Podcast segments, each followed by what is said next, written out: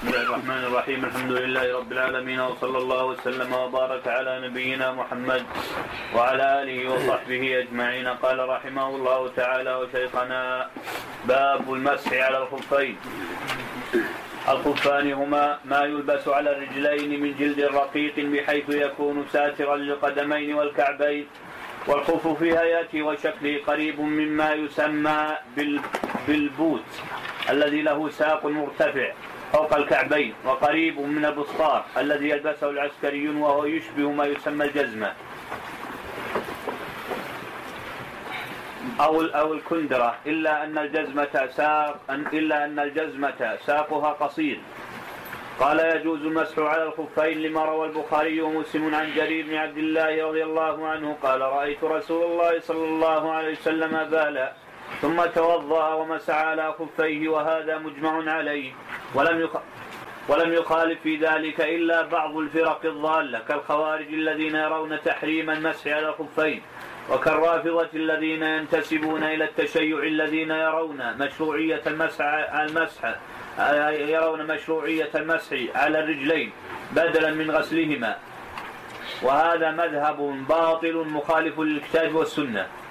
قال ويجوز المسح على ما أشبههما من الجوارب الصفيقة التي تثبت في القدمين والجوارب جمع جورب وهو ما يلبس على القدم ويكون من قطن أو الخرق المخيطة ونحوها ويكون ساترا للقدمين والكعبين ومنه ما يعرف الآن عند العامة بالشراب والصفيقة هي الثخينة التي لا يرى ما تحتها من من بشرة وغيرها. فهي ضد الرقيقة الشفافة التي يرى لون البشرة من ورائها؟ والدليل على جواز المسح على الجوارب. ما رواه ثوبان رضي الله عنه قال بعث رسول الله صلى الله عليه وسلم سرية فأصابهم البرد. فلما قدموا على النبي صلى الله عليه وسلم شكوا إليه ما أصابهم من البرد. فأمرهم أن يمسحوا على العصائب والتساخين. وهذا لو صح لكان نصا في جواز المسح على الجوارب. غير معروف اليوم بالشراب. ولكن هذا الحديث معلول بالانقطاع. لأنه من رواية راشد بن سعد عن ثوبان. ولم يثبت الإمام أحمد رحمه الله تعالى سماع راشد من ثوبان. لكن الجوارب مقيسة على الخفين. والأولى أن تكون ثخينة حتى يتحقق القياس. أما وجود خروق أو شقوق أو فتوق هذا لا يضر ما دام الخف ماسكا بالقدم ويسمى خفا. وقد روى عبد الرزاق بمصنفه عن سفيان. قال لم تزل. أو قال وهل كانت خفاف المهاجرين والأنصار إلا مشققة مخرقة مرقعة؟ وهذا الذي نصره شيخ الإسلام ابن تيمية رحمه الله. بعض المذاهب يشددون في هذه المسألة. ويقولون لا يعفى على الخرق ولو كان بقدر جب الإبرة. وهذا تشدد بلا دليل.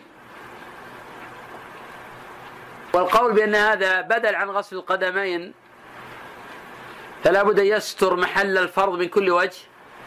هذا في نظر. بدليل ما ذكرنا قبل قليل عن سفيان. وبدليل أن علي بن أبي طالب رضي الله عنه كان يمسح على نعليه. رواه عبد الرزاق بسند صحيح. فنعال الصحابة تختلف عن النعال المعاصرة. وهي نعال تربط من الخلف أشبه ما تكون بالشبكية. كان الناس يلبسونها قديما. قبل اتساع حضارتهم وكثرة دنياهم. كان يشق نزعها. ومع ذلك لم تكن ساترة لكل محل الفرض. هذا دليل على أنه لا يجب ستر جميع محل الفرض. نعم. يجوز مسح يا شيخ. نعم. لا لا نعال موجودة. لا الصندلة صندلة كانت ماسكة بالقدم. ما يخلع إذا جاي لا ما يخلع. نعم. عفى الله عنك. والعصائب هي العمائم والتساقين. قيل هي ما هي كل ما يسخن به القدم من خف وجورب وغيرهما أما من قال باشتراط أن تكون الجوارب ومثلها الخفاف صفيقة واشتراط أن لا يكون فيها خرق ولا فتق فاستدل بأن قال القدر الذي يرى يرى من القدم فرضه الغسل والجمع بين المسح والغسل لا يجوز فتعين غسل القدمين. وذهب بعض أهل العلم إلى أنه يجوز المسح على الخف, الخف والجورب ولو كان كان شفافا أو مخرقا ما دام يسمى خفا أو جوربا لأن هذا هو ظاهر حال الصحابة رضي الله عنهم. فقد كان كثير منهم فقراء فظاهر حالهم أن أكثر خفافهم وجواربهم مخرقة. ومع ذلك جاء الإذن عاما مطلقا في المسح عليها وكانوا يمسحون عليها وهي كذلك. ولعل هذا هو الأقرب. وإن كان في النفس شيء من جواز المسح على الجورب الرقيق الشفاف قال ويجوز يتقي ما دام الناس الآن في نعمة مثلا ما يمسح على الرقيق الشفاف يتقي ويبتعد عنه لما يفتى به وقت الحاجة حيث لا يوجد غيره. مع وجود غيره فالإنسان يتقي ويبتعد عنه خاصة أن الخلاف قوي ليس ضعيفا. نعم. الصيف يلبس الصيف يلبس لا تمسح عليه. ما يمسح عليه. لا أحوط لا تمسح عليه. نعم. عفى الله عنك. قال ويجوز المسح على الجراميق التي تج... التي تجاوز الكعبين والجموق خف قصير يلبس فوق الخف المعتاد لحفظه أو لشدة البرد. والدليل على مشروعية المسح عليه ومثله الجورب الذي لوس فوق جورب آخر حديث جرير وحديث ثوبان. اللذان سبقا في المسألتين السابقتين. وقد جاء الإذن بالمسح على الخف ولا فرق بين أن يكون خفا واحدا أو أكثر. فالخفاف في حكم الخف الواحد. فيعتبر الأعلى كالظهارة والأسفل كالبطانة ومثله الجورب. والدليل على اشتراط أن أن نتجاوز والدليل على اشتراط أن نتجاوز الجراميق ومثلها الخفاف والجوارب الكعبين إجماع أهل العلم على ذلك. قال ومما يجوز المسح عليه ما يلبس في هذا العصر من الأحذية التي تشبه الخفاف وتسمى بوت أو بسطار أو كنادر أو جزمات ومثلها اللفائف الطبية وغير الطبية إذا كانت كل هذه الأشياء تغطي الكعبين فإذا غسل الرجلين ثم لبسها ثم أحدث جاز له المسح المسح عليها إذا لم يخلعها بعد الحدث. أما إن خلعها بعد الحدث ثم لبسها فليس له مسح المسح عليها. وهذا بالإجماع. ليس المسح عليها هذا بالإجماع. يعني يشترط إدخالها على الطهارة. ويجب أيضا في هذا الخفاف وهذا الأحذية أن تمسك بالقدم. إذا لم تمسك بالقدم لا يجوز المسح عليها. نعم.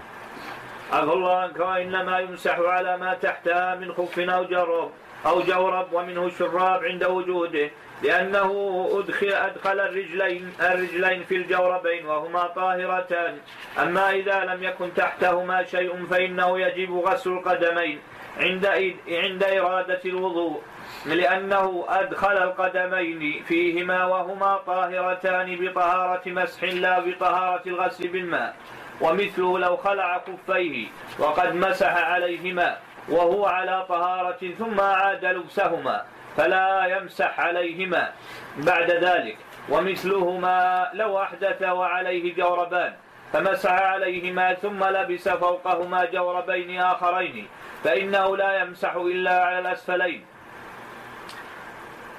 أفلا قال فيمسح على جميع هذه الأشياء في الطهارة الصغرى وهي الطهارة بالوضوء من الحدث الأصغر. والدليل على مشروعية المسح على هذه الأشياء في الطهارة الصغرى وعدم جواز المسح عليها في الطهارة الكبرى وهي من وهي الطهارة بالغسل بالغسل من الحدث الأكبر ما رواه صفوان بن عسال رضي الله عنه قال كان رسول الله صلى الله عليه وسلم يأمرنا إذا كنا سفرا أو مسافرين ألا ننزع خفافنا ثلاثة أيام ولياليهن إلا من جنابة ولا ننزع من غائط ولا بول ولا نوم ولياليهن. عفى الله عنك. لا ننزع خفافنا لا, ننز... لا ننزع. عفى الله عنك. لا ننزع خفافنا ثلاثة أيام وليالي ولي ولياليهن إلا من جنابة ولا ننزع من غائط ولا بول ولا نوم وهذا الحكم. مجمع عليه. هذا حديث صحيح هذا. هذا الحديث صحيح. قد قال البخاري رحمه الله هذا صح حديث. ورد في المسح على الخفين نعم. حتى من حديث الصحيحين نعم. حتى من حديث الصحيحين ما في ما في صحيح حديث حديث المسح على خفين. اي هذا عام. لا هو يتكلم على المسألة هذه. أو يقال تبدأ بعد مسح دون تقييد بالحدث. نعم. ألا توضا تجديد نعم. على قول الثاني؟ إي نعم. أي تبدأ مدة بعد. إي من أول مسح. وقول الثاني اللي مشهور بعد مسح بعد حدث. عقب مسح بعد حدث. أما بداية مدة كالحنابلة يقولون بعد أول حدث هذا ضعيف يقول هذا. نعم. عفى الله عنك. أي أن المدة مدة المسح تبدأ من أول حدث بعد لبس الخفين أو نحوهما مما يمسح عليه. وتنتهي بمجيء الوقت المماثل لهذا الوقت الذي أحدث فيه من يوم غد للمقيم. وللمسافر بمجيء الوقت المماثل بمجيء الوقت المماثل له بعد ثلاثة أيام. ووجه استدلال أصحاب هذا القول بهذا الحديث أن قوله يمسح المسافر معناه يستبيح المسح وهو يستبيح المسح من حين الحدث. فدل ذلك على أن مدة المسح تبدأ من أول حدث بعد اللبس. وذهب بعض أهل العلم إلى أن مدة المسح تبدأ من أول مسح بعد الحدث.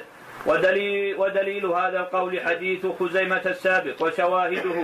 وحديث هذا الحديث يدل على هذا. لأنه قال يمسح يعني يمسح إذا مسح. بمعنى يمسح يعني من محل وقت حل مسح ودل على ذلك قول عمر رضي الله عنه لرجل يقول تمسح من هذه الساعة وغدا في هذه الساعة تخلع. تمسح في هذه الساعة وغدا في مثل هذه الساعة تخلع. هذا رواه البيهقي وصححه البيهقي واحتج به النووي في المجموع وصححه. قد حدد له أربعة وعشرين ساعة. نعم. نعم عفى الله عنك. قال عفى الله عنك. قال ودليل قول حديث خزيمة الساق وشواهد فقد نص فيها على أن لابس الخف يمسح يوما أو ثلاثة أيام. فدل هذا اللفظ على أن هذه المدة تبدأ من أول مسح بعد الحدث وهذا القول أقرب إلى الصواب. قال ومتى مسح؟ قف على ومتى مسح. نعم. شيخ ذكر أنك إذا لبست شرابين يغمر مسح عليهما بس عليها اثنين ما تمسح عليهما. لا تمسح. ليش؟ لكن يبقى الحكم للتحتاني. ما تمسح عليه تمسح لكن يبقى الحكم للتحتاني. ما تبدأ مدة جديدة؟ حكم للتحتاني. تابع. طبعا لم يقل بهذا القول إلا قله منهم المالكية فقط، المالكية هم يجوزون هذه الصورة، ما الحنابله يمنعون هذه الصورة.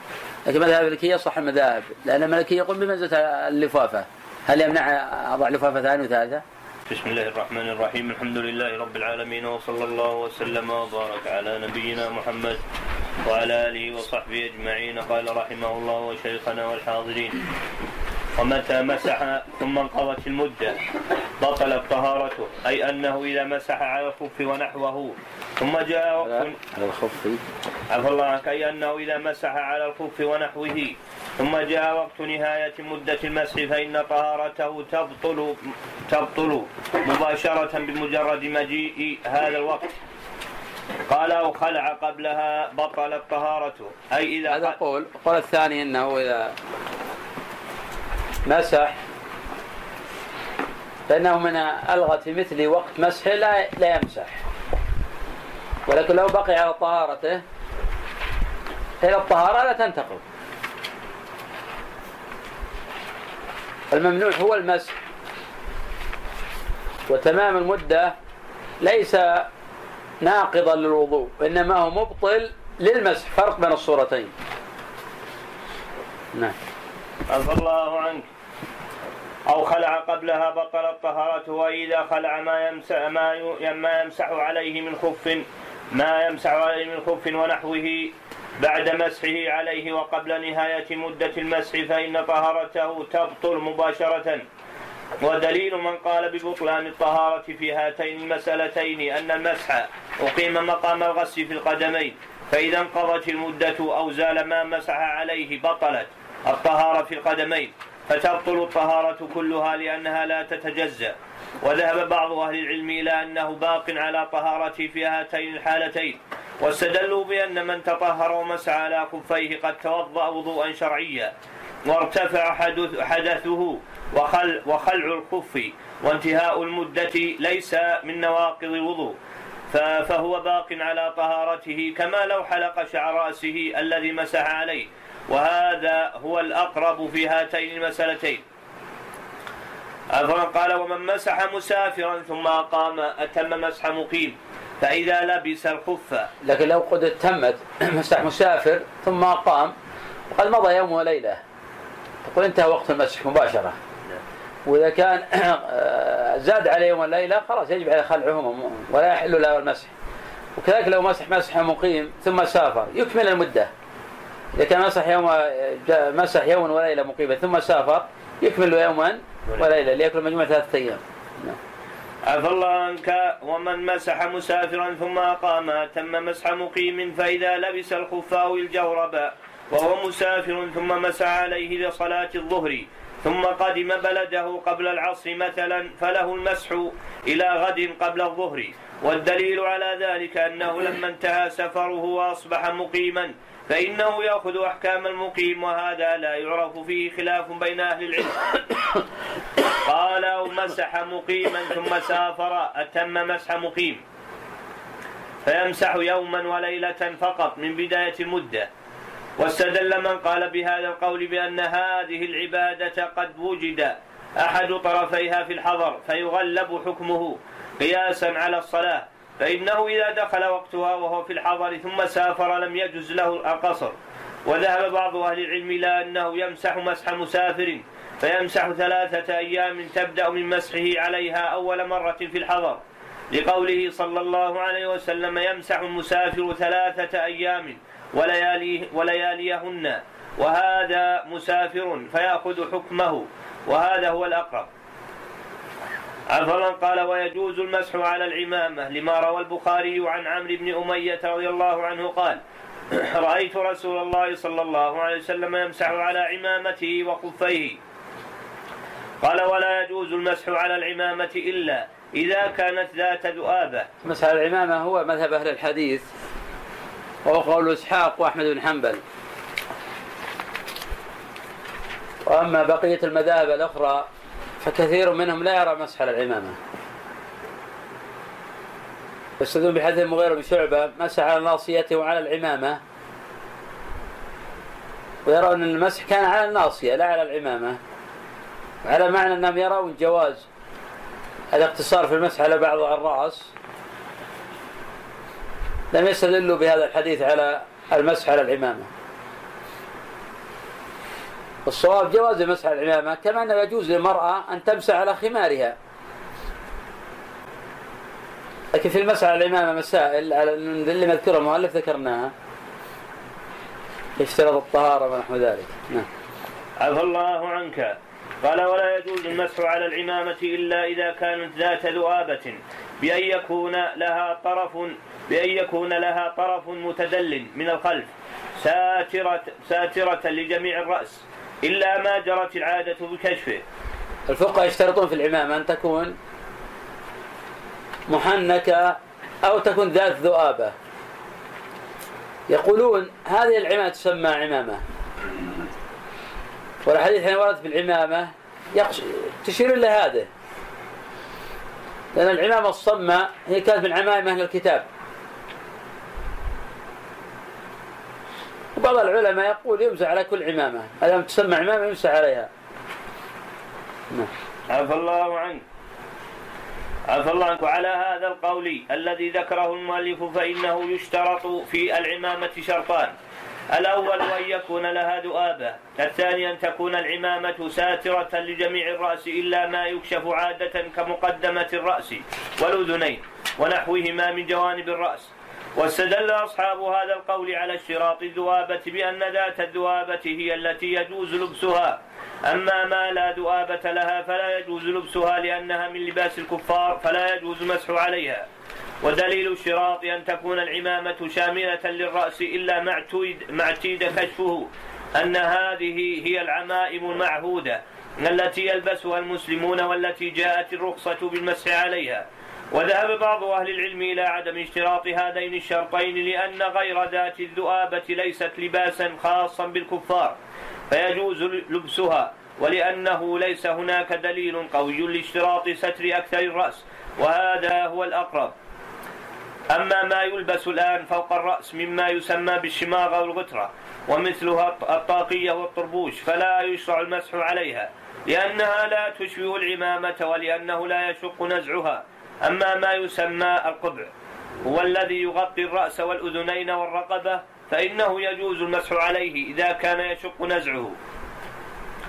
ومن اشترط المسح على جميع ومن شرط المسح على جميع ذلك أن يلبسه على طهارة كاملة أي ومن شرط المسح على الخفين والجوارب. والجراميق والعمامة أن يلبسها وهو متطهر من الحدث من الحدثين. أما بالنسبة, بالنسبة للخفين فهذا مجمع عليه. فلا يمسح عليهما إلا إذا ادخلهما على طهارة. لحديث المغيرة في الصحيحين دعهما فإني أدخلتهما طاهرتين. وأما بالنسبة للعمامة فلم يرد في شأنها شيء. ولكن ذهب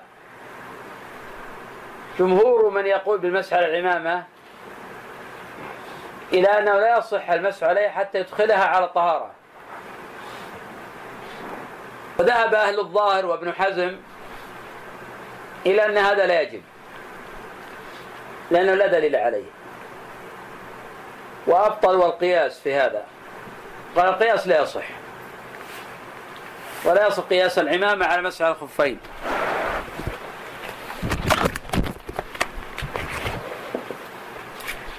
وهذا قول قوي. وقول الجمهور أحوط نعم. عفى الله عنك. عفى الله عنك. أي ومن شرط المسح على الخفين والجوارب والجراميق والعمامة أن يلبسها وهو متطهر من الحدثين الأصغر والأكبر طهارة كاملة. والدليل على ذلك ما رواه البخاري عن المغيرة بن عن المغيرة رضي الله عنه قال كنت مع النبي صلى الله عليه وسلم في سفر فأهويت لأنزع خفيه لأنزع خفيه. فقال دعهما فإني أدخلتهما طاهرتين ومسح عليهما. قال ويجوز المسح على الجبيرة وهي ما يوضع على الكسر من أعواد ونحوها ليتماسك العظم ويلتئم. ومثلها ما جد في هذا العصر مما يسمى الجبس. ومثلها كذلك إذا لف على الجرح إذا لف على الجرح الجرح لفافة أو ألصق به دواء أو وضع عليه ما جد في هذا العصر من لصقات تحتوي على علاج. ومثلها اللصقات التي توضع لعلاج الظهر. ونحو ذلك فيجزئ المسح عليها في الطهارة الكبرى وكذلك يجب المسح عليها في الوضوء في الطهارة الصغرى. إذا كانت على شيء من أعضائه والدليل على ذلك القياس على الخفين والقياس على التيمم. قال ولا يجوز المسح على الجبيرة إلا إذا لم يتعدى لم يتعدى بشدها موضع الحاجة.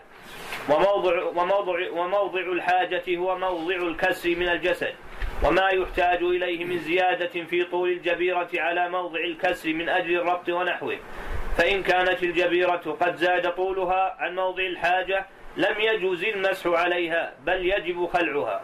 وجعلها بقدر الحاجة ودليل هذا الشرط أن الزائد من الجبيرة قد غطى جزءا من العضو من غير حاجة وهو مما يجب غسله ولا ضرر في نزعه ولا ضرر في نزعها. فوجب نزع ما عليه وغسله فإن تركها من غير عذر لم يصح وضوءه. قال ويجوز له أن يمسح على الجبيرة إلى أن يحلها. فلا توقيت لمدة المسح عليها والدليل أن الجبيرة وضعت للضرورة أو الحاجة فتقدر بقدرها. فيجوز له أن يمسح عليها إلى أن يستغني عنها وهذا لا خلاف فيه بين أهل العلم.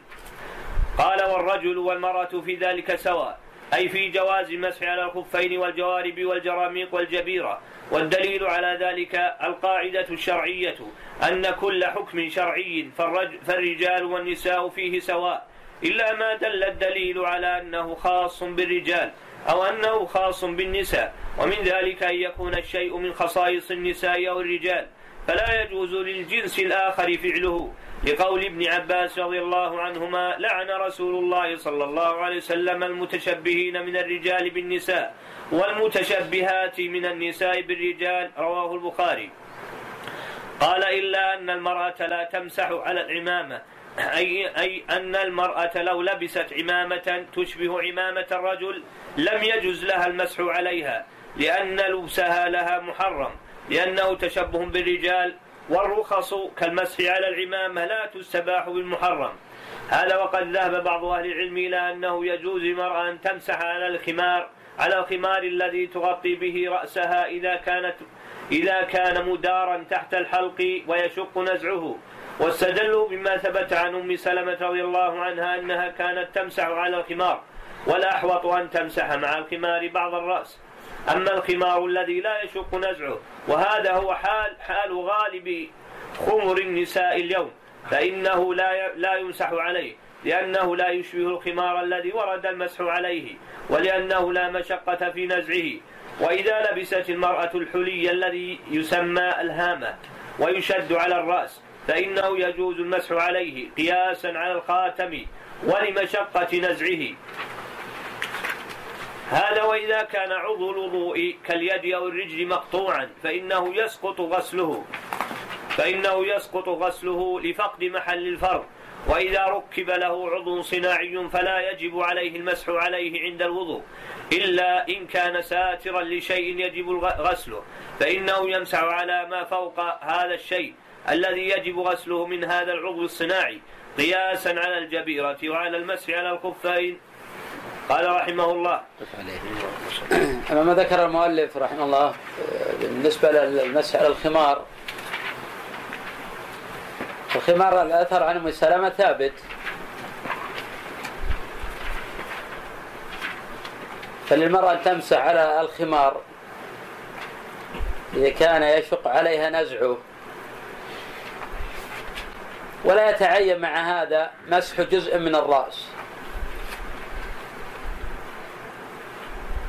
سواء غطى الخمار كل رأسها أو غطى أكثره. ولكن إذا بدأ شيء من الشعر تمسح تبعا للخمار. كما أن النبي صلى الله عليه وسلم تبع مسح العمامة وعلى الناصية تبعا لمسح على العمامة. وفي فروق بين المسح على الخمار والعمامة وبين المسح على الخفين. الأمر الأول أنه لا توقيت في المسح على العمامة والخمار. ومن هذه الناحية يشبهان الجبيرة.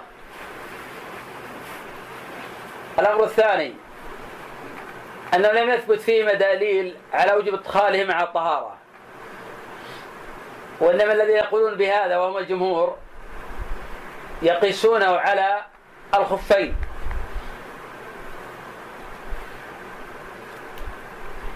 الأمر الثالث. أن العمام والخمار يمسح عليه ظاهرهما أي على محل الفرض الذي يتعين مسحه بخلاف الخفين.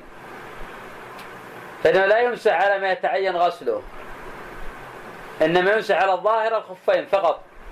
لما بارك على نبينا محمد وعلى آله وصحبه أجمعين. قال رحمه الله وشيخنا والحاضرين الشرط الثالث النية. فإذا تيمم لصلاة معينة فلا بد أن ينوي التطهر لهذه الصلاة. والدليل قوله صلى الله عليه وسلم إنما الأعمال بالنيات وإنما لكل امرئ ما نوى متفق عليه. قال رحمه الله فإن تيمم لنافلة لم يصلي به فرضا واستدل أصحاب هذا القول بالحديث السابق قالوا فلا يباح الفرض حتى فلا يباح الفرض حتى ينويه عند التيمم. نعم هذا على معنى أن التيمم مبيح لا رافع. تقدم أن هذا هو المشهور في مذهب الحنابلة وهو المعروف عن الشافعية والمالكية. وقول آخر المسألة أن التيمم رافع وهو هذا مذهب أبي حنيفة.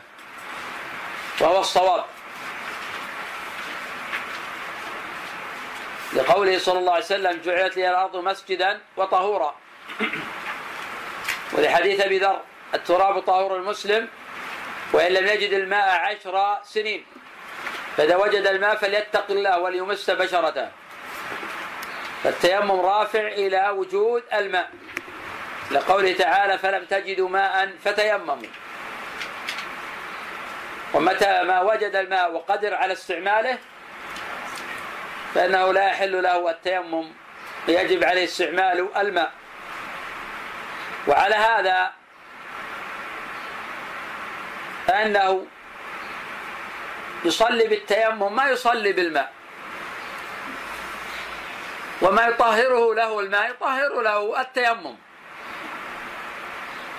لأن النبي صلى الله عليه وسلم سمى ذلك طهورا. جعلت لي الأرض مسجدا وطهورا.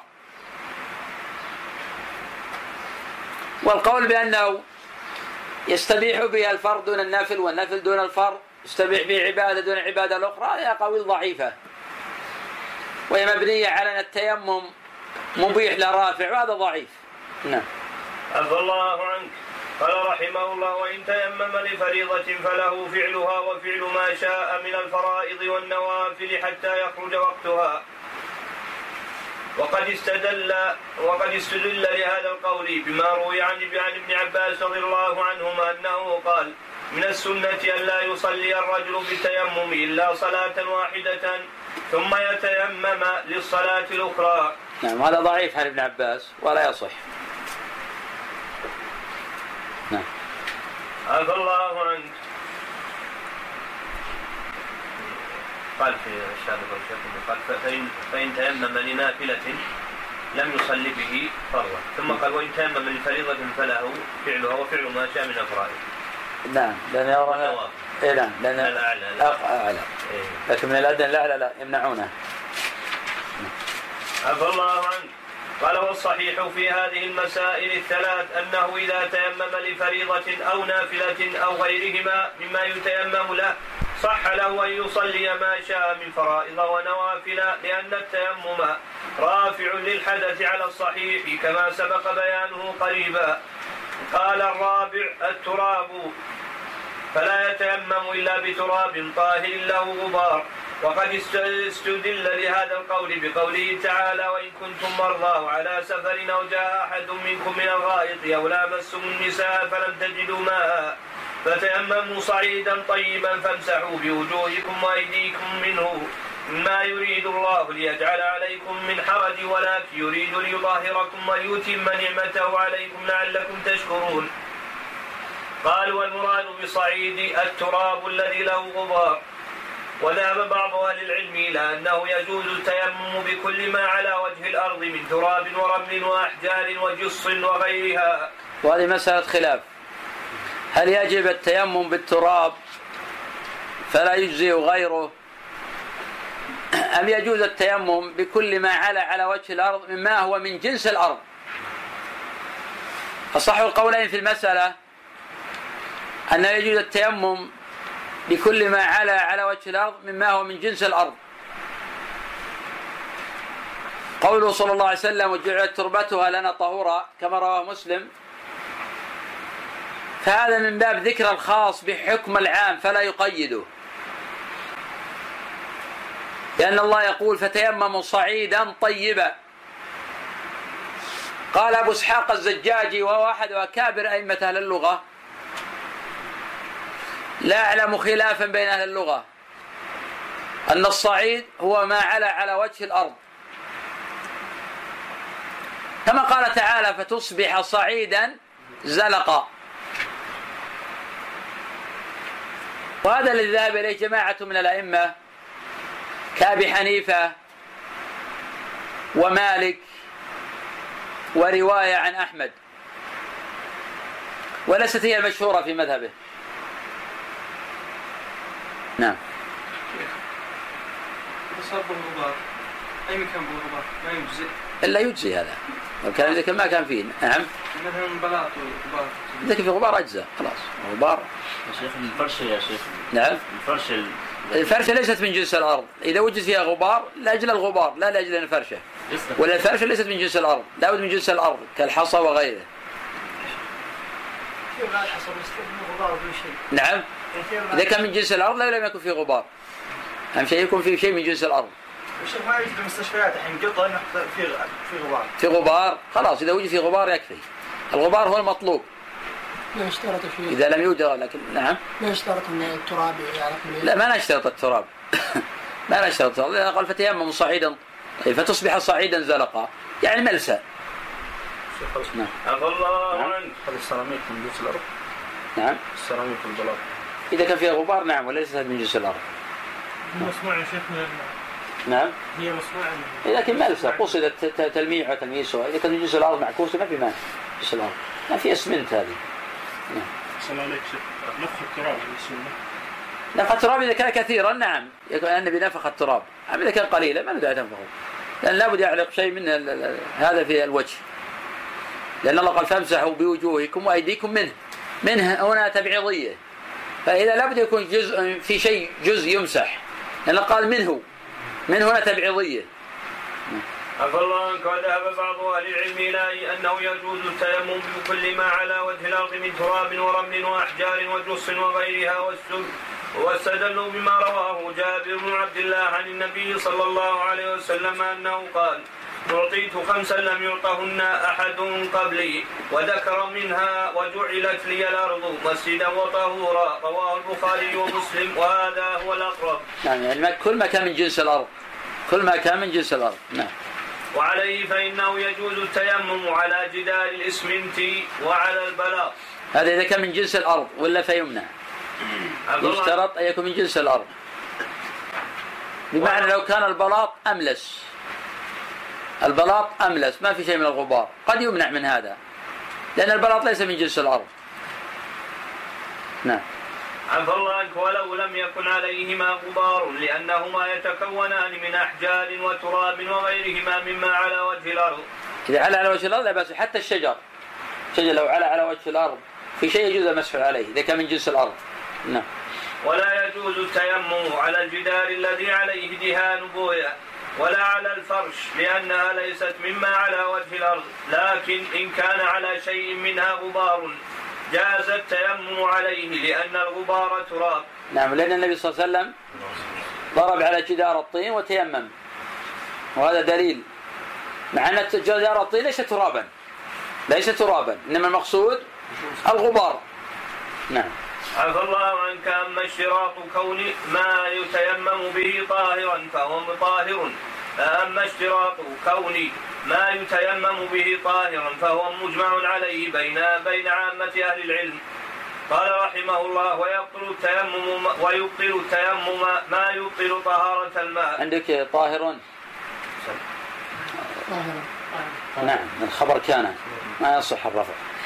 فمجمع خبر اشتراط. وطاهرا خبر كان وجوبا تنصب هنا. نعم. عفى الله عنك. قال وي وي و... أعد العبارة أما اشتراط أما اشتراط كون ما يتيمم به طاهرا. نعم طاهرا خبر كان. فمجمع خبر اشتراط. نعم. فهو مجمع عليه بين عامة أه- أهل العلم. قال رحمه الله ويبطل التيمم ويبطل التيمم ويبطل التيمم. ما يبطل طهارة الماء لأن طهارة التيمم بدل عن طهارة الماء فيبطلها ما يبطلها وهذا مجمع عليه. يزاد على هذا ويبطل التيمم وجود الماء. زاد على هذا ويبطل التيمم وجود الماء. فمتى ما وجد الماء بطل التيمم. لقوله في الحديث فليتق الله وليمسه بشرته. تقدم بالأمس ولو كان في الصلاة يجب عليه قطعها. أما إذا فرغ من الصلاة فلا يعيد ما مضى. يعتبر كل ما مضى صحيحا. ولقول الله جل وعلا فلم تجدوا ماء فتيمموا. هذا واجد الماء نعم. عفى الله عنك قال ويا ويبطل التيمم ويبطل التيمم أيضا خروج الوقت وقد استدلها وقد استد- استدل لهذا القول بما روي عن ابن عباس رضي الله خروج عنه. الوقت تقدم عندنا أنه ضعيف. قد أنه ضعيف ان هذا مبني على أنه مبيح. هذا ضعيف. صواب أنه رافع إلى وجود الماء. نعم. عفوا عنك انه قال من من السنة الا يصلي الرجل بالتيمم إلا صلاة واحدة ثم يتيمم للصلاة الأخرى. وذهب بعض أهل العلم إلى أن التيمم لا يبطل بخروج الوقت لأن التيمم رافع للحدث فلا يعود الإنسان محدثا إلا بوجود ناقض وليس خروج الوقت منها وهذا هو الأقرب. قال ويبطله كذلك القدرة على استعمال الماء سواء كان ذلك لبرئه من المرض الذي منعه من استعمال الماء أو لوجود الماء أو لقدرته على تدفئة الماء في البرد الشديد بعد أن كان عاجزا عن ذلك أو لغير ذلك. والدليل قوله صلى الله عليه وسلم إن الصعيد الطيب طهور المسلم وإن لم يجد الماء عشر سنين فإذا وجد الماء فليمسه بشرته. فإن ذلك خير وهذا أجمع عليه عامة أهل العلم. قال رحمه الله والقدرة على استعمال الماء تبطل تيممه وإن كان في الصلاة فيلزمه قطع قطعها لبطلان طهارته. والدليل القياس على بطلان الطهارة بالقدرة على استعمال الماء قبل الصلاة. دليل النص إذا وجد الماء فليتق الله وليمسه بشرته. هذا الدليل. وأيضا القرآن ظهر القرآن قوله تعالى فلم تجدوا ماء فتيمموا. هذا واجد للماء. إذا وجد الماء بطل لكن لو صلى ما نأمر بإعادة الصلاة. لأن استصحب ذلك وقت عدم الماء أو وقت العجز عن استعماله. فبرخصة شرعية. فيكون كل ما فعل يكون صحيحا. ولكن كان جنوبا وتيمم وصلى عدد الصلوات يصح كل ما مضى. لكن إذا وجد ما يجب عليه يعيد الغسل ما نقول في المستقبل حدثت جنابه نقول يجب عليه يمس الماء بشرته وأن يعيد الغسل ولكن ما يعيد ما مضى من العبادات كله صحيحة وثابتة.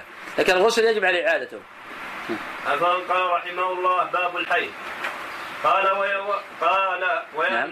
لا إذا إذا وجد من يستطيع أن يوضع هل لا عليه تيمم؟ نعم لا يتيمم لأنه لا يجب عليه قبول ذلك. لا يجب على أحد. شخص مريض يجد من ي- يوضئه ولكن لا يرغب في ذلك. هذا من حقه. إن أذن ما في مانع لكن لا يجب عليه. لا يجب عليه. لأن مثل هذا عادة في منة. قد نفسه تعافوا ذلك. ولو كان ذلك زوجة أو غيرها لا يجب عليه. ولكن لو فعله كان حسنا وجائزا. الله يكفيك. إذا كان في آخر الوقت وأتى الماء فهو يقطع إذا قطع الصلاة يذهب الوقت. على رأي ابن تيمية رحمه الله تعالى يستمر في ذلك ولا شيء عليه وهذا اختيار شيخ الإسلام ابن تيمية لذلك ذكرت في ذلك رضي الله عنه أنه إذا وجد كان ما عنده ماء قليل فيتوضأ بالماء ويكمل التيمم. نعم فإن كان عنده ماء يكفي بس وجهه والوجه واليد والكفين. يبدأ بالتيمم يبدأ بالغسل بالوضوء بما يقدر عليه والباقي يتيمم له.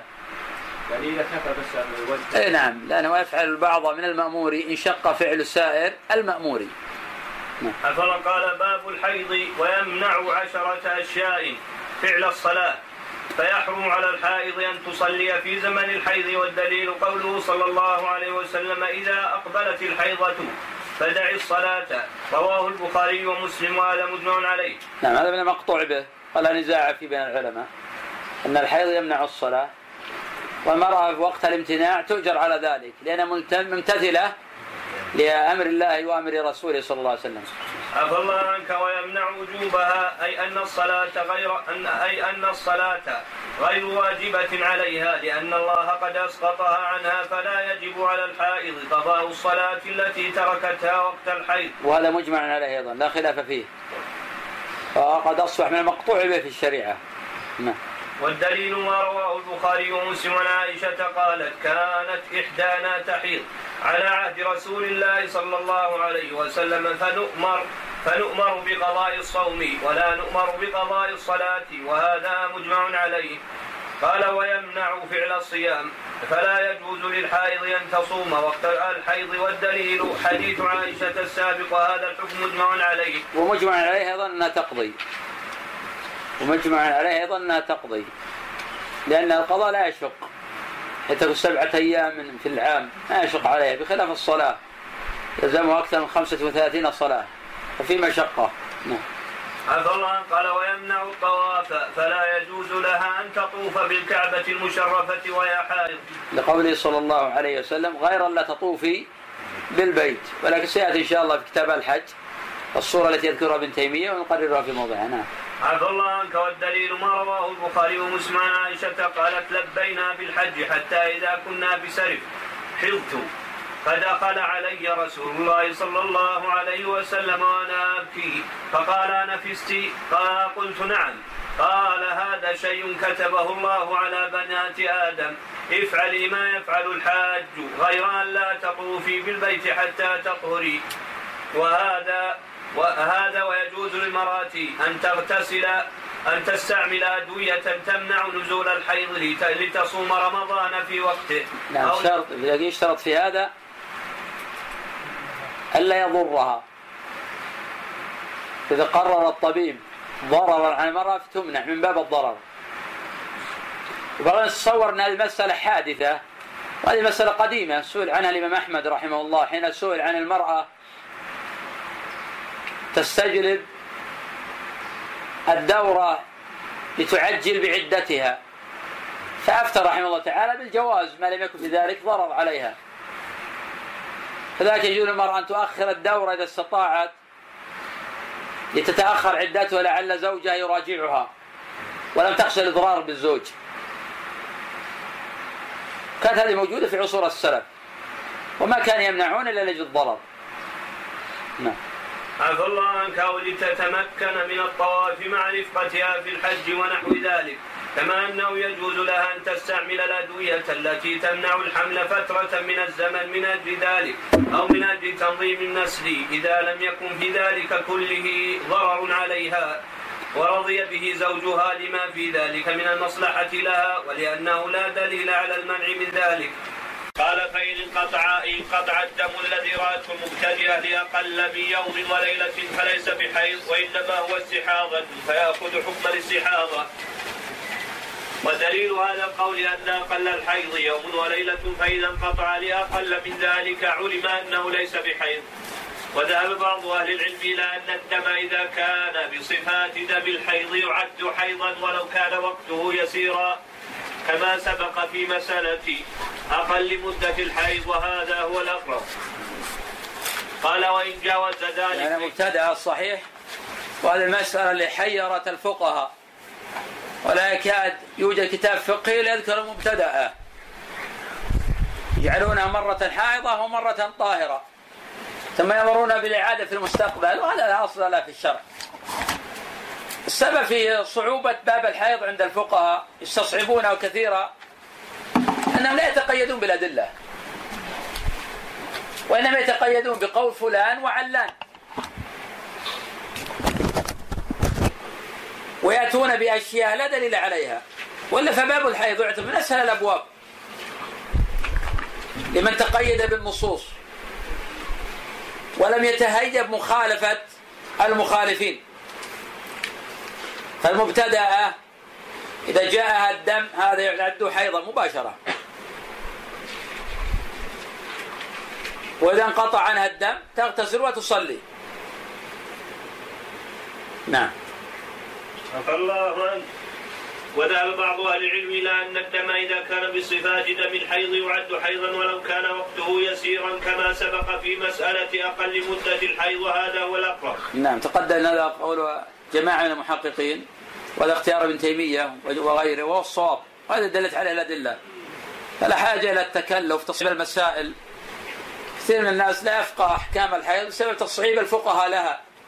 الذي يقرأ في تصانيف الفقهاء وتقاسيمهم لمسائل الحيض يستصعب المسائل ومن ثم قد ينفر من هذا الباب ولا يفهمه كثير من النساء ما تفهم باب الحيض لأن الفقهاء يصعبون هذه الجوانب وهذه الأبواب يذكرون تفصيلات ما أنزل الله بها من سلطان.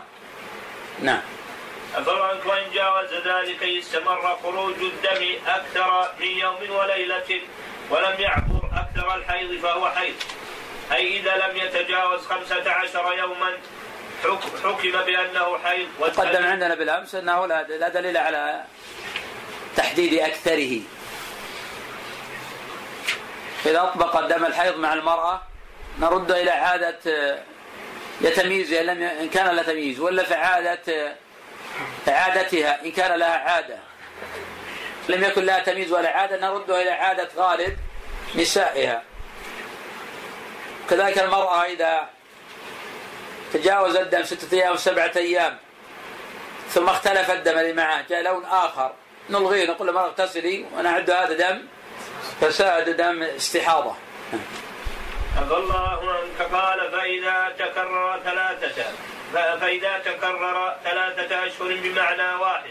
أي إذا تكرر مجيء هذا الدم ثلاث مرات في ثلاثة أشهر في أيام معلومات من الشهر. وعدد أيام وعد وعدد هذه الأيام وعدد أيام الله قال في أيام معلومة من الشهر وعدد أيام هذه الثلاث متساو صار عادة. والدليل هذا القول ما روي عنه عليه السلام أنه قال في شأن المستحاضة تدع الصلاة أيام أقرائها ثم تغتسل وتصلي. قالوا والأقراء جمع قرء وأقل الجمع ثلاثة. وذهب بعض أهل العلم إلى أن العادة تثبت ولو بمرة واحدة واستدلوا بقوله صلى الله عليه وسلم في شأن المستحاضة لتنظر إلى عدد الليالي والأيام التي كانت تحيضهن من الشهر قبل أن يصيبها الذي أصابها. فلتترك الصلاة قدر ذلك من الشهر. فإذا خلفت ذلك فلتغتسل ثم لتستنثر بثوب ثم تصلي. قالوا فقد أحالها عليه الصلاة والسلام على حيضها في الشهر السابق للاستحاضة ولعل هذا هو الأقرب. لا شك هذا هو الأقرب وظاهر القرآن أيضا. كان المفروض يستدل بالآية. الله جل وعلا قال ويسألونك عن المحيض قل هو أذى. قل هو أذى. فأخبر الله جل أن المحيض أذى. فاعتزلوا النساء في المحيض ولا تقربوهن حتى يطهرن. فمبتدا تسمى مبتدأ بمجرد يطقها الدم عده حيضا ما لم يثبت أنه دم عرق. وهو دم الاستحاضة ودم الفساد. ودم الحيض دم أسود يعرف له رائحة وله أعراض. ولا يكاد يخفى على المرأة الفطنة. نعم.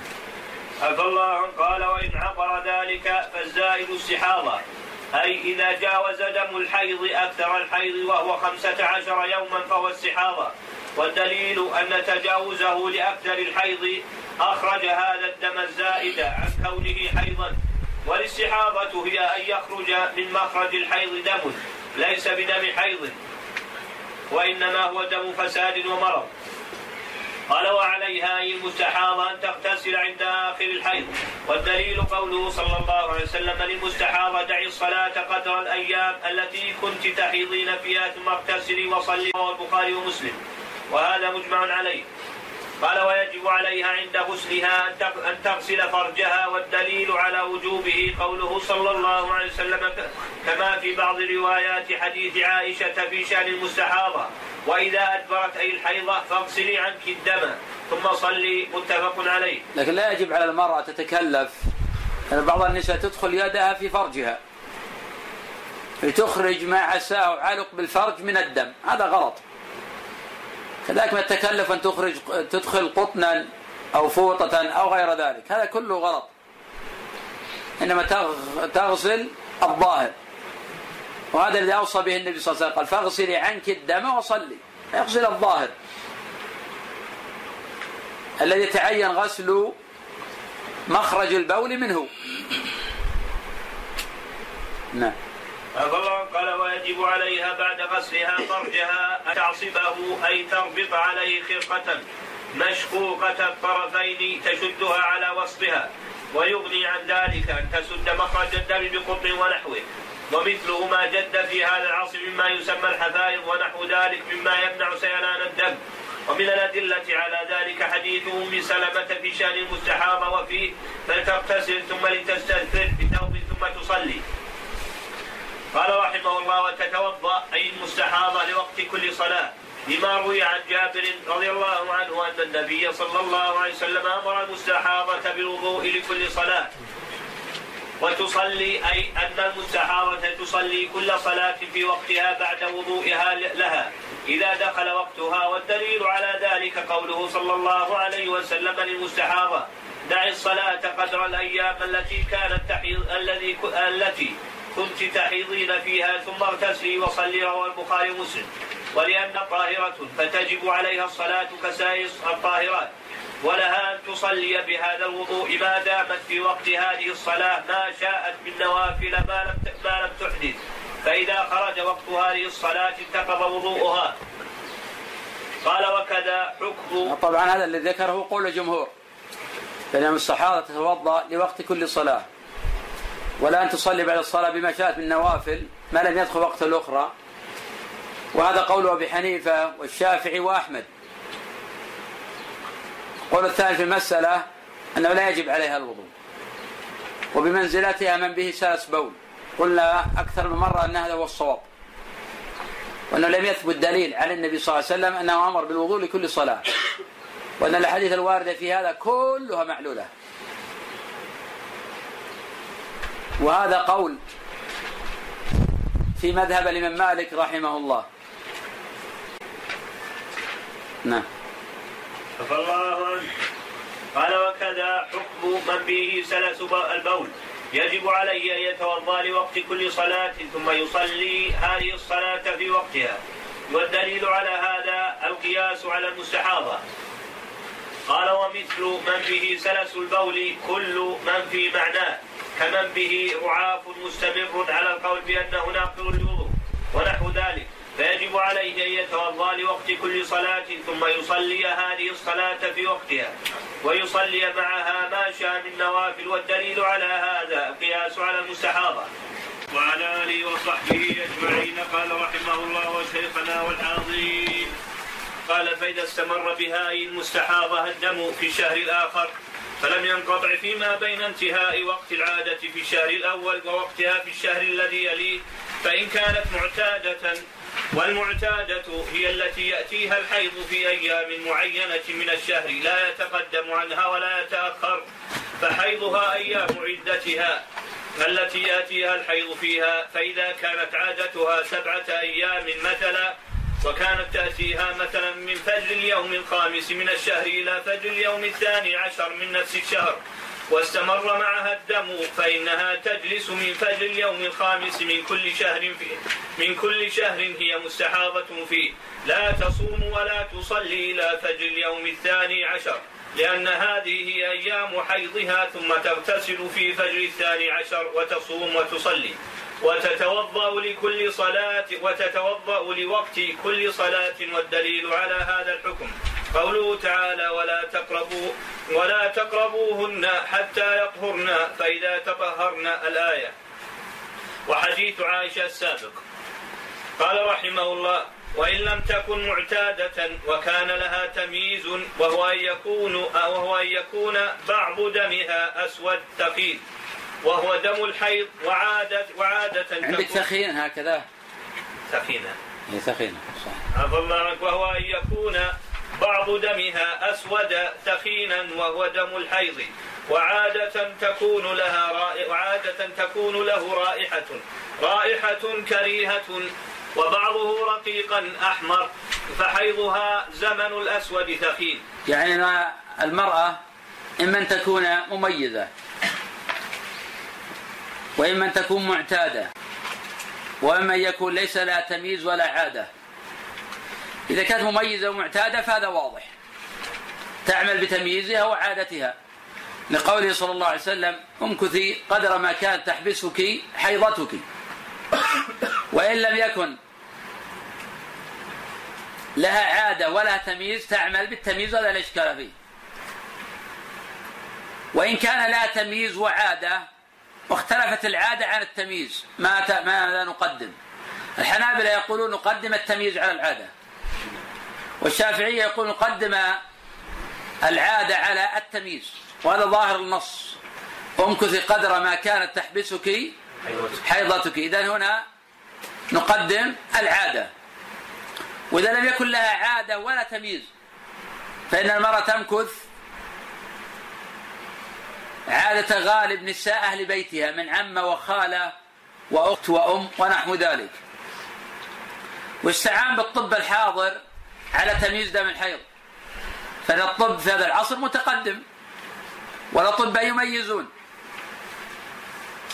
يقدم قولهم على قول غيرهم. اختيار الطبيبة للمرأة بأن هذا حيض أولى من اجتهاد المرأة المجرد الذي لم يبني على دليل. لأن هؤلاء أصحاب معرفة وخبرة. فلذلك حين اكتشفوا بأن الحامل لا تحيض وأن الدم الخارج الحامل فاسد قلنا بأن هذا مرجح بأن هذا مرجح لقول الإمام أحمد بأن الحامل لا تحيض خلافا لقول ابن تيمية وابن القيم بأن الحامل قد تحيض. ويؤيد قول الإمام أحمد أن النبي صلى الله عليه وسلم قال في المستحاضة في السبي ولا توطى غير ذات حمل حتى تستبرأ بحيضة. علم أن الحامل ما تحيض. ولو كانت تحيض لكان لا ندري هل هي حامل أو غير حامل. وكيف نستبرئها بحيضة؟ وقد تكون حاملا. فعلم أن الحامل ما تحيض. وهذا يؤيد ما اكتشف الطب المعاصر. نعم. عفى الله عنك هذه هي المميزة وهي التي تميز تميز دم الحيض من دم من دم الاستحاضة. فحكمها كما ذكر المؤلف أن أيام حيضها هي الأيام التي تكون صفة الدم فيها على صفة دم الحيض. فتجلس هذه الأيام لا تصوم ولا تصلي عملا بهذا التمييز. وذهب بعض أهل العلم إلى أن التمييز يقدم على العادة لأن التمييز أمر محسوس ودلالة الحس. أقوى في هذا الموضع فتقدم على العادة وهذا هو الأقرب. هذا الأقرب لو كان الحديث الآخر صحيحا أن دم الحيض دم أسود يعرف. لكن هذا خبر معلول. تقدم بيان علته أنه لا يصح. لو كان يصح لقلنا به. قدمنا الحديث الآخر لأنه صحيح ولم نأخذ بهذا الحديث لأنه ضعيف. ولكن قد يستدل لهذا القول بقول الله جل وعلا ويسألونك عن المحيض قل هو أذى. والأذى الذي تعرفه المرأة دم الحيض له أعراض وله صفات وله لون وله رائحة. والنساء تعرفه. نعم. عفى الله عنك قال وإن كانت أي المستحاضة مبتدأ مبتدأة وهي التي أتاها الحيض لأول مرة أو ناسية لعادتها ولا تمييز لها فحيضها من كل شهر فحيضها من كل شهر ستة أيام أو سبعة لأنه غالب عادة النساء وهذا هو التحيض. فمن لم تكن لها عادة ولا تمييز تختار من الشهر ستة أيام أو سبعة يكون حكمها فيها حكم الحائض. وما عداها من أيام الشهر يكون حكمها حكم المستحاضة ما دام الدم متواصلا ويدلها ويدل لهذا أيضا حديث حمنة بنت جحش. وفيه أن النبي صلى الله عليه وسلم قال لها لما لما استحيضت تحيضي ستة أيام أو سبعة في علم الله ثم اغتسلي حتى إذا رأيت أنك قد طهرت واستنقأت فصلي أربعا وعشرين ليلة أو ثلاثا وعشرين ليلة وأيامها وصومي فإن ذلك يجزيك وذلك فافعلي وكذلك فافعلي في كل شهر كما تحيض النساء وكما يطهرن بميقات حيضهن وطهرهن. وهذا الحديث تفرد به عبد الله بن محمد بن عقيل. قد قال الإمام أحمد رحمه الله تعالى في النفس من هذا الحديث شيء. وقد ضعف هذا الخبر أبو حاتم وغيره من الحفاظ. وذكرت لكم أكثر من مرة أن ابن عقيل يقبل يكون صدوقا يحتج بحديث ما لم يتفرد بأصل أو يخالف. وهذا قد تفرد بأصل فلا نقبله. فهذا الخبر معلول. نعم. عفى الله عنك. والحامل لا تحيض. فإذا جاءها دم فهو دم فساد. والدليل على أن الحامل لا تحيض ما رواه رويفع رضي الله عنه قال نهى رسول الله صلى الله عليه وسلم عن وطئ الأمة حتى تحيض. فجعل صلى الله عليه وسلم وجود الحيض علامة براءة الرحم من الحمل. فإذا حاضت علم علم أنها غير حامل. فدل ذلك على أن الحمل لا يكون معه حيض. قال إن إلا أن ترى الدم قبل ولادتها بيوم أو يومين فيكون دم نفاس. والدليل أن هذا دم أن هذا أن هذا دم خرج بسبب الولادة متصلا بها. فكان دم نفاس كالدم الخارج بعد الولادة. نعم. المؤلف يقول إن دم الدم الخارج قبل الولادة بيوم أو يومين يعتبر نفاسا. وهذا قول جماعة من العلماء. والقول الثاني في المسألة أنه لا يكون نفاسا إلا إذا صحبه طلق. فإذا لم يصحبه الطلق فإنه لا يسمى نفاسا. القول الثالث في المسألة أن هذا يعتبر دم فساد لا عبرة به. وأن دم النفاس لا يكون إلا مع الولادة. وهذا صح الأقوال في المسألة. لأن النفاس مأخوذ من التنفيس. ولا يكون التنفيس إلا بالوضع. ولأن الطلق قد يبقى مع المرأة يوما أو يومين أو ثلاثة أو أربعة.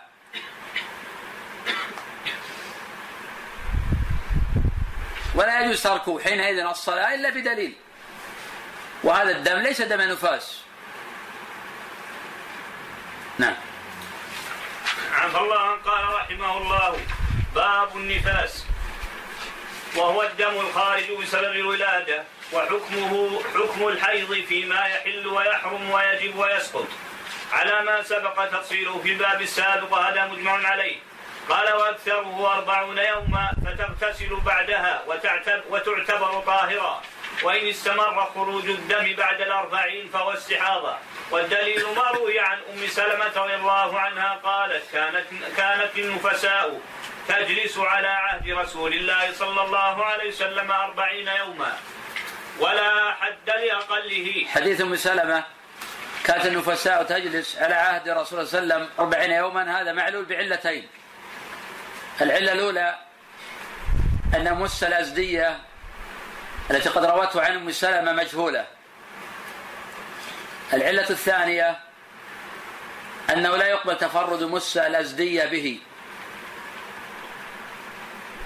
وقد صح نحو هذا موقوفا على ابن عباس. رواه عنه الإمام الدارمي وابن الجارود في المنتقى. فأقصى مدة للنفاس أربعون يوما. وإذا رأت الطهر قبل ذلك وجب عليها الاغتسال والصلاة وأداء العبادات الواجبة. نعم. الله عنك. قال ولا حد لأقله لأن النفاس إنما يكون بوجود الدم فإذا ولدت المرأة ولم ينزل دم فلا نفاس.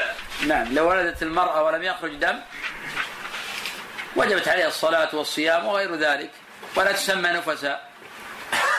إنما تسمى نفساء إذا صحبها دم.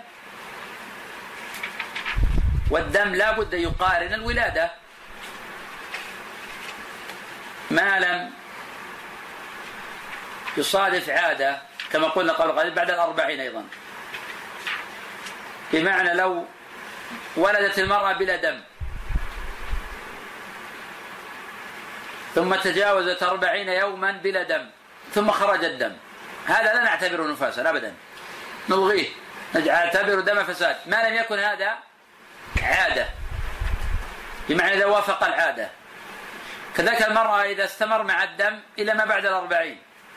إذا لم يكن هذا عادة نلغيه ولا نحسبه شيئا. نعم. الله عنك. قال ومتى رأت النفساء الطهر في أثناء الأربعين يوما اغتسلت وهي طاهر. فتأخذ اغتسلت وهي طاهر. فتأخذ حكم المرأة الطاهرة في كل شيء لأن النفاس لا لأن النفاس لا حد لأقله. فإذا رأت الطهر فهي طاهر. تعمل ما تعمله الطاهرات.